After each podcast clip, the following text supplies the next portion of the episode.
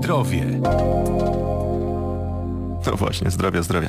Końcówka roku zazwyczaj skłania nas do refleksji, jak żyjemy, co możemy poprawić, o co zadbać.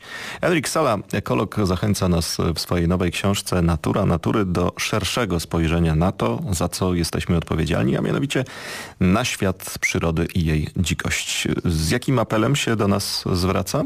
Agnieszka Furtak-Bilnik zapytała o to dr Barbarę Pietrzak z Instytutu Biologii Funkcjonalnej i Ekologii Uniwersytetu Warszawskiego.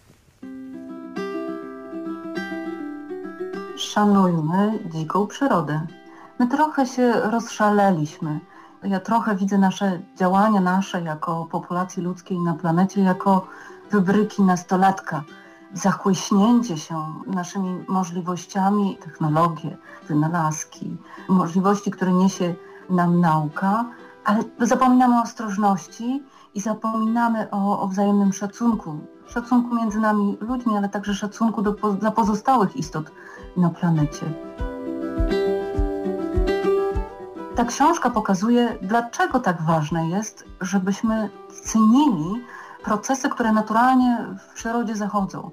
Tę książkę napisał ekolog, to znaczy badacz, zajmujący się przede wszystkim ekologią mórz i oceanów. Pięknie pokazuje, że spojrzenie ekologa to spojrzenie na powiązania. Ekolog pyta o, o interakcje, powiązania, które niosą się przez cały ekosystem. Także ta książka pozwala nam zobaczyć przyrodę nie jako pojedyncze elementy drzewa, jelenie, wilki, ale zobaczyć rolę każdego z nich w ekosystemie i zobaczyć cały ekosystem funkcjonujący i żywy. I jeśli gdzieś widzieć zasób, to właśnie w tej funkcjonalnej całości, właśnie w tym, co przynosi nam ten ekosystem funkcjonujący w naturalny, dziki sposób. Zrozumienie tego pozwala nam odpowiedzialnie w tym świecie funkcjonować. Ten tytuł Natura natury wspaniale oddaje, o czym jest ta książka. Cenić dzikość, dlatego że naturalnie funkcjonujące ekosystemy spełniają kluczowe funkcje, o, o, których na co dzień nie myślimy. Właśnie nie myślimy o tym na co dzień, dlaczego pada deszcz, skąd się bierze susza. Zrozumienie, że ochrona lasów porastających zbocza gór, że pozostawienie rzek, uszanowanie tej przestrzeni Doliny Dzikiej Rzeki jest najtańszym sposobem na ochronę przed suszą zarówno i powodzią.